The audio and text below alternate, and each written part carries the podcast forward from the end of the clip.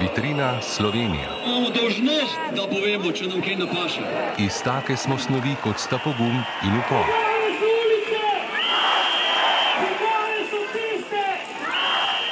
Trideset let Slovenije je tudi 30 let protestov. Res nas je lepo takole pogledati. Profesor dr. Branko Lobnikar je na Fakulteti za varnostne vede Univerze v Mariboru predstojnik katedre za policijsko dejavnost in varnostne vede. Na proteste je mogoče seveda gledati na več različnih načinov, tudi jaz gledam vsej na dva načina na te proteste. Če se pogovarjamo z vidika policijske dejavnosti, je pač protest neko javno zbiranje ljudi, kjer je policija dolžna zagotoviti uh, varnost vsem udeležencem, pa tudi uh, zagotavljati varnost uh, objektov, varovanih oseb in tako naprej. In odnegdaj je bilo uh, varovanje javnih shodov in javnih prireditev osnovna policijska dejavnost. V demokratičnih družbah velja, da se policija zelo dobro pripravi na te shode in potem z, v skladu z uh, policijsko stroko, z najmilejšimi sredstvi, poskuša vzdrževati točno to, kar uh, je njihova naloga. Zagotoviti, da so ljudje varni in da lahko potem počenjajo to, kar imajo v demokratičnih družbah tudi pravico, izražati svoja mnenja. In slovenska policija je pravzaprav te stvari zelo dobro vse čas opravljala. Ne? Če se spomnimo skozi zgodovino, tudi od takrat, ko je slovensko policijo vodil še magister Pavle Čelik, ne, je imela slovenska policija dobro izdelan sistem, ki je bil na znanju utemeljen in ki je izhajal iz nekega sodelovanja z protestniki, zato da pač oni delajo svoje, policisti pa upravijo svoj posel. Ali pendrek čisto na koncu? Pendrek pride na koncu in to slovenska policija do, do COVID-a znala zelo dobro, dobro tudi izvajati. Tudi če pogledamo uh, izvajanje uh, zagotavljanja varnosti na bolj burnih demonstracijah, ne, ki jih v Sloveniji nimamo veliko, to pa so bile te demonstracije v Mariboru in študentske demonstracije v Ljubljani. Tudi takrat je policija le čisto na koncu proti zelo omejenemu številu ljudi uporabila resna prisilna sredstva. Ne. In tisto, kar je mogoče reči, je, da je policija vedno vzpostavila red, in potem so lahko ljudje pač delali tisto, kar so pač delali na shodih in teh prireditvah. Filozofija slovenske policije pa se je obrnila leta 2020, ko je nastopila kriza COVID-19. In so policisti naenkrat v tej državi dobili dodatne naloge, uh, preprečevanja, preprečevanja uh, širjenja bolezni, in so potem zelo hitro uh, uporabili tudi represijo, zaradi tega, ker um, so za to dobili jasna navodila in ker so izhajali iz predpostavke, da je varovanje življenja ena ta temeljna, uh, temeljna uh, pravica ki jo policisti zelo hitro ponotranijo. Ne? Varovanje življenja ljudi je za policiste sveto ne? in potem vse ostalo pride, pride na vrsto. Ne? In izhaja iz te uh, policijske subkulture, ne? da so kakšne takšne stvari, kot so pravica do svobode zbiranja in svobodnega izražanja mnen, z vidika policijske subkulture pravzaprav manj pomembne. Ne? In če policisti nimajo zelo jasnih navodil, ne, potem pač opravijo svoj posel, kot ga, kot ga opravijo. Se je pa zgodilo nekaj nenavadnega v Sloveniji, namreč da vodstvo slovenske policije, ki je bilo vmes parkrat obglavljeno in zamenjano v tem času, pravzaprav ni sledilo nekim napotilom, ki so jih mednarodna policijska združenja policijskih šefov za delovanje policije v času COVID-19 dala, namreč da je treba biti tukaj zelo restriktiven pri uporabi sile. COVID-19 in pandemija ni varnostni problem, zato to ni primarno policijska naloga. Ker v tej naši državi nič ne deluje tako, kot bi moralo delovati, na koncu ostane samo, jaz temu rečem, mama milica, ki potem mora delati za vse in vse. In uh, so policisti pač dobili nalogo, da pravzaprav so oni tisti, ki so v prvih vrstah borbe proti pandemiji. So pač reagirali tako, kot so reagirali, in mislim, da, če potegnemo črto, niso reagirali pravilno. Zaradi tega, ker ta pristop ne, se je izkazal na sodišču v Mariboru, da je napačen in da uh, z represivnimi ukrepi uh, proti uh, demonstrantom slovenska policija ne bi smela. Uh, kontraproduktivno. Ne? je kontraproduktivno in pravzaprav pomeni to, da, da slediš samo enemu od dveh gospodarjev. Vsaka policija ima pravzaprav dva gospodarja. Ena je oblast, ki jo pooseblja vlada. Vlada seveda lahko upravlja z organi, ki so namenjeni za izvrševanje uh, zakonov. In zakonodaja na področju preprečevanja uh, epidemije je pač klasična zakonodaja in jo je treba uveljavljati, ker če jo ne uveljavljaš, potem zakonodaja nima svojega namena. In pač policija pač to mora delati, kar ji na koncu koncu dajo za narediti. Ne? Se pravi, povejo ji, kaj je treba narediti, kako pa policija to naredi, to je pa stvar policijske profesije. Vendar je drug gospodar policije, ki mu mora policija enako zavestno in zvesto služiti, so pa ljudje, davkoplačevalci oziroma državljani, ne? za katere policija izvaja varnostne naloge. Ne? Policija je v lasti ljudi, ne? in v njihovem imenu zagotavlja neke, neke, eh, neko stopnjo varnosti, da pač lahko ljudje v miru delajo to, kar pač delajo, in da se ne ukvarjajo s tem, da morajo oni izvajati policijsko dejavnost. In je ta stopnja legitimnosti, ki jo dobiš tako strani vlade, kot, kot ljudi, enako pomembna kot je stopnja legalnosti njihovega delovanja. Zelo zapleteno je. Zelo zapleteno. A veste, ja. policijsko delo ni enostavno. Ne? A veste, v demokratičnih družbah ne, velja zaupanje za enega od temeljnih uh, predpostavk nekega dobrega delovanja. In še ena stvar je, policija lahko svoje temeljne naloge opravi in naredi samo, če ljudje sodelujejo z njimi. Policisti ne preizkujejo kaznjivih dejanj tako, kot vidimo v ameriških nadaljevankah, kjer ljudi ne rabiš. Ne? Uh, ti lahko vzdržuješ javni red in mir na javnih prireditvah, samo če se ti z ljudmi dogovoriš, kako bodo oni izvajali to svojo ustavno, ustavno pravico. Ne?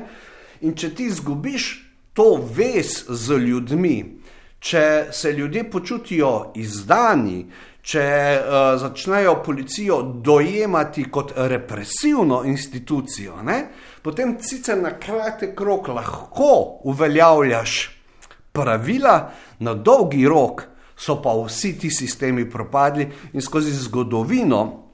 Skozi zgodovino imamo več kot zadosti dokazov za te stvari. In zdaj pridemo pravzaprav na moj drug pogled na, na, na demonstracije.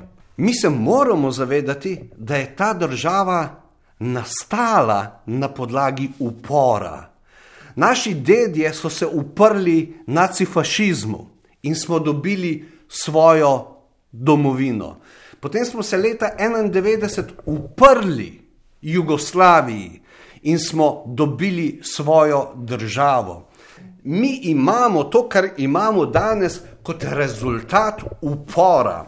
In vsaka oblast, za katero jaz sicer verjamem, da jih grejo uporniki na živce, te in oni, se pač mora zavedati, da je to način, kako si ljudje pridobivamo neke svoje pravice in kako izražamo svoje legitimno mnenje. Zaradi tega ne, bi se vsa oblast morala zavedati, da je upor sestavni del naše države, družbe in na koncu koncev tudi vsega, kar, na, kar smo. Ne? Zaradi tega, da ima potem oblast in preko oblasti, seveda tudi organi za izvajanje oblasti, ne? to je policija, uh, tak negativen odnos do, do, do uh, te, tega, kar je podstat našega obstoja, je pa milo rečeno čudno. In tisti, ki tega niso razumeli na območju bivše Jugoslavije, tisti, ki tega niso razumeli v času Eh, predsedovanje oziroma vodenje francoske države strani Sarkozija, so potem na zelo grob način spoznali to svojo zmoto. Ker na koncu ne, je ni oblasti, ki lahko nek gnev, ki se kaže tudi v uporu, zatre v kal. Razen, ne, če potem prestopi vse meje demokratičnega in, in potem zaduši te upore. Pa še to ne deluje na dolgi rok.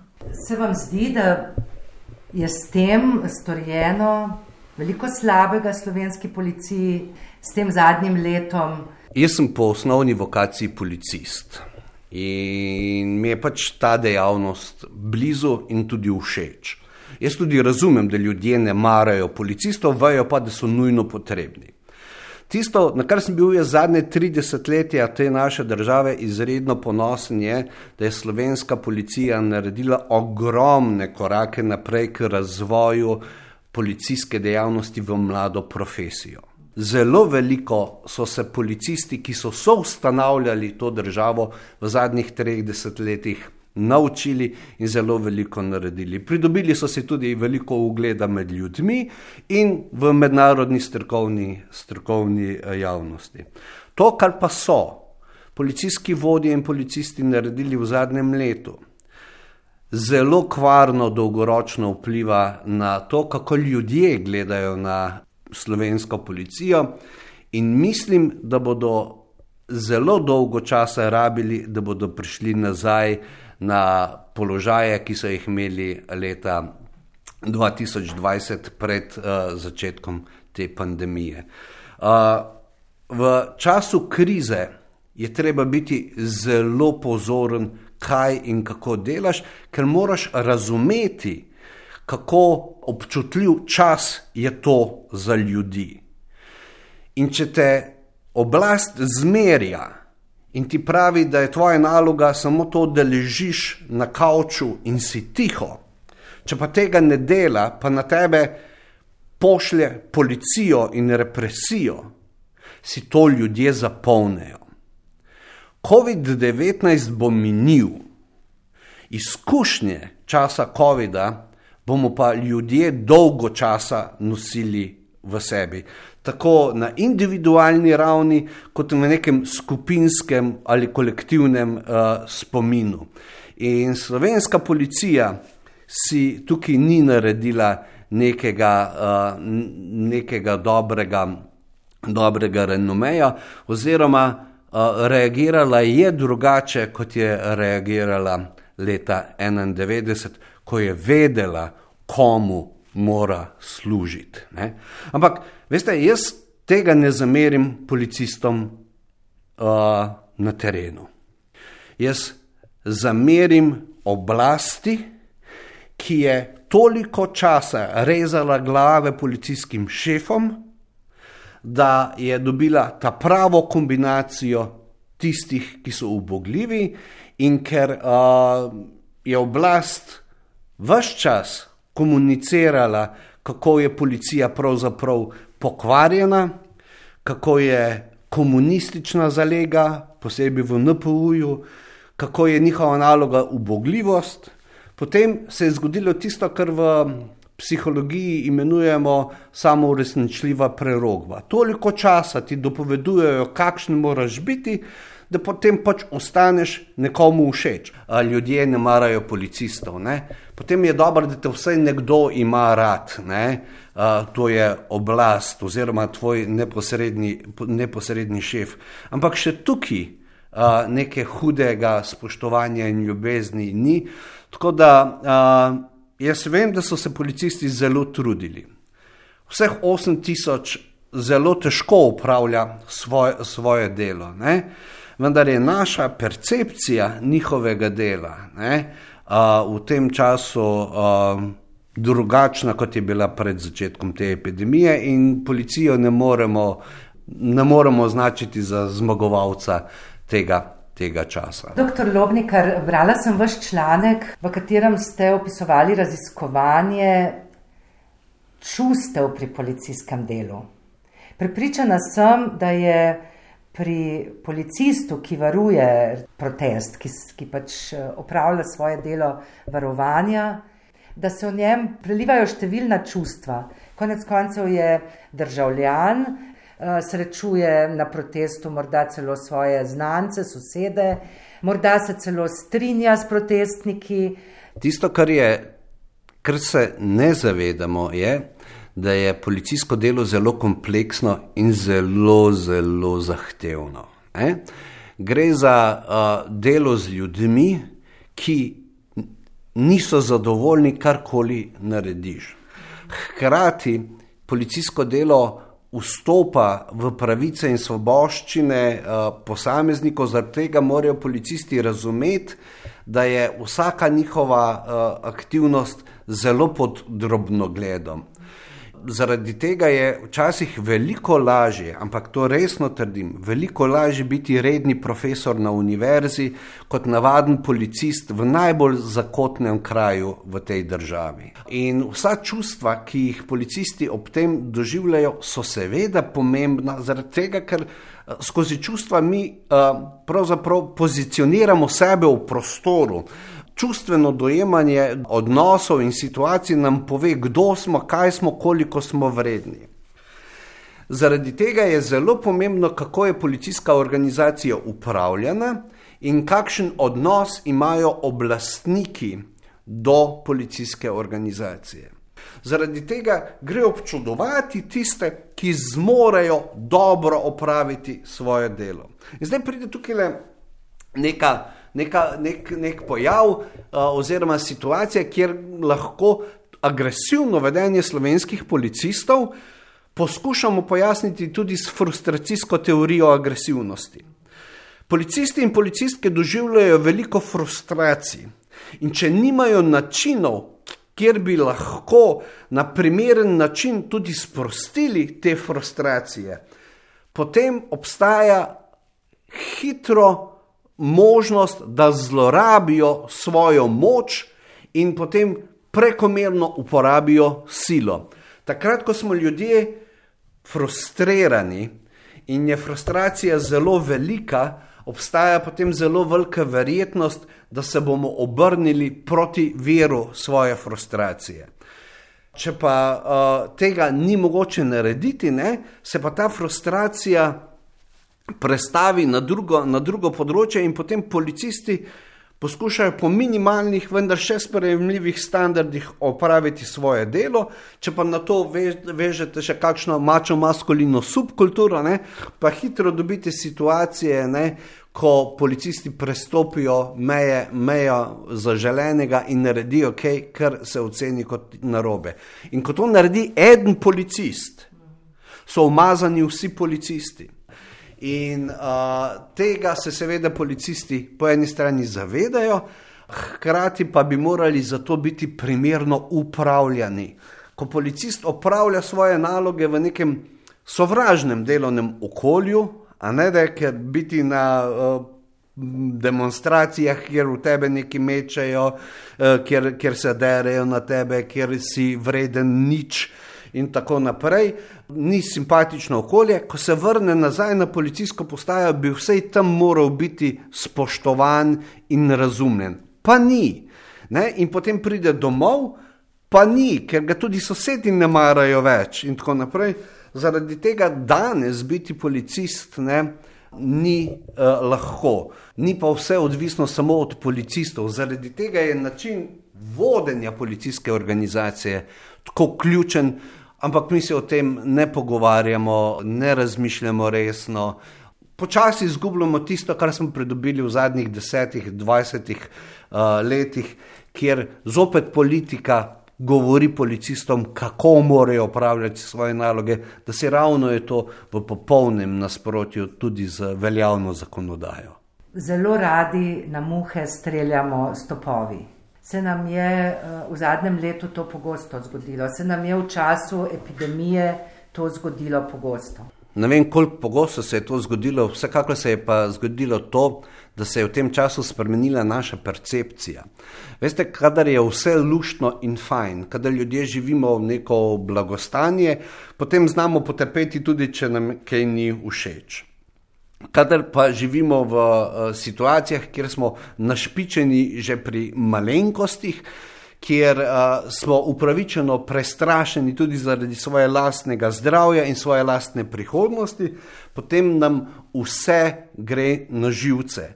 In v takšnih situacijah ne, morajo tisti, ki izvajajo neka javna pooblastila, zelo dobro premisliti, kako in na kakšen način uh, ta svoja pooblastila uh, uporabijo. Zaradi tega ne, je uh, zelo pomembno, da v takšnih situacijah z moja pokojna stara mati bi rekla z andohtjo, z, z nekim zdravim razumom in občutkom uporabljaš tisto, do česar si upravičen, zaradi tega, ker je to način, kako dosežeš svoj cilj. Vse policisti bi radi imeli samo umirjeno situacijo, kjer ne bi bilo kaznjivih ravnanj. In je najlažje reagirati z silo, vendar daje najmanjši možen rezultat. In ja, pri uporabi Pri uporabi prisilnih sredstev pa seveda velja, da na vrabce ne streljamo, ne streljamo uh, z topovi, zaradi tega, ker je pri posebej uveljavljanju nekih uh, pravil, ki so povezane s posameznikovimi pravicami in svoboščinami, treba imeti ta občutek za fino mehaniko ne? in te stvari potem delati na način, tako kot dela sodobna medicina, kjer zelo targetirano, zelo resno izvaja svoje, svoje diagnoze in uh, svoje terapije, da ne poškoduje vsega, vsega okrog. Vitrino Slovenijo imamo, pa me zanima, kaj bi dali kot eksponat v to našo vitrino. Jaz sem na fakulteti za varnostne vede zadnjih 25 let z kakšnim odmorom vmes, ampak tisto, na kar sem jaz osebno ponosen, je, da smo nadgradili institucije, ki so sicer obstajale že iz 70-ih let um, prejšnjega stoletja in smo v času osamosvojitve iz uh, više policijske šole zgradili fakulteto za varnostne vede, kjer uh, vzgajamo strokovnjake z področja varnosti. Varnost je ena od temeljnih uh, dobrin uh, vsakega posameznika in to smo spoznali tudi v zadnjem, v zadnjem letu. K zagotavljanju varnosti je mogoče pristopiti samo uh, tako, da je to na znanju utemeljeno.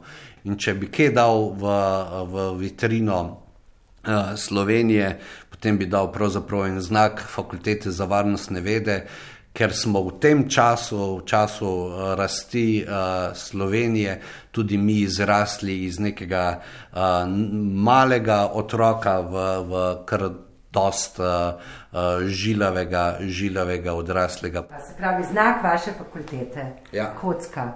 Ima to kak poseben pomen? Ja, pravzaprav oblikovan iz ščita, kot nekaj, kar varuje, meča, kot moči prisile, preko katerega uh, leži odprta knjiga, kar pomeni, da zakon in znanje omejujeta uh, to prisilo za zagotavljanje varnosti, na koncu gor sta pa še dva lipova lista.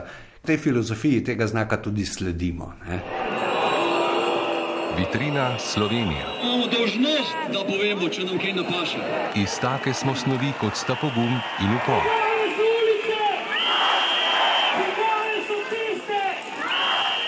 30 let Slovenije je tudi 30 let protestov. Res nas je lepo takole pogledati. Vitrino Slovenijo ob 30. obletnici naše države postavljamo mojster zvoka Vjekoslav Mikes ter novinarki Tina Šoln in Tatjana Pirc. Več na val 202.si in v epizodah podcasta Zgodbe.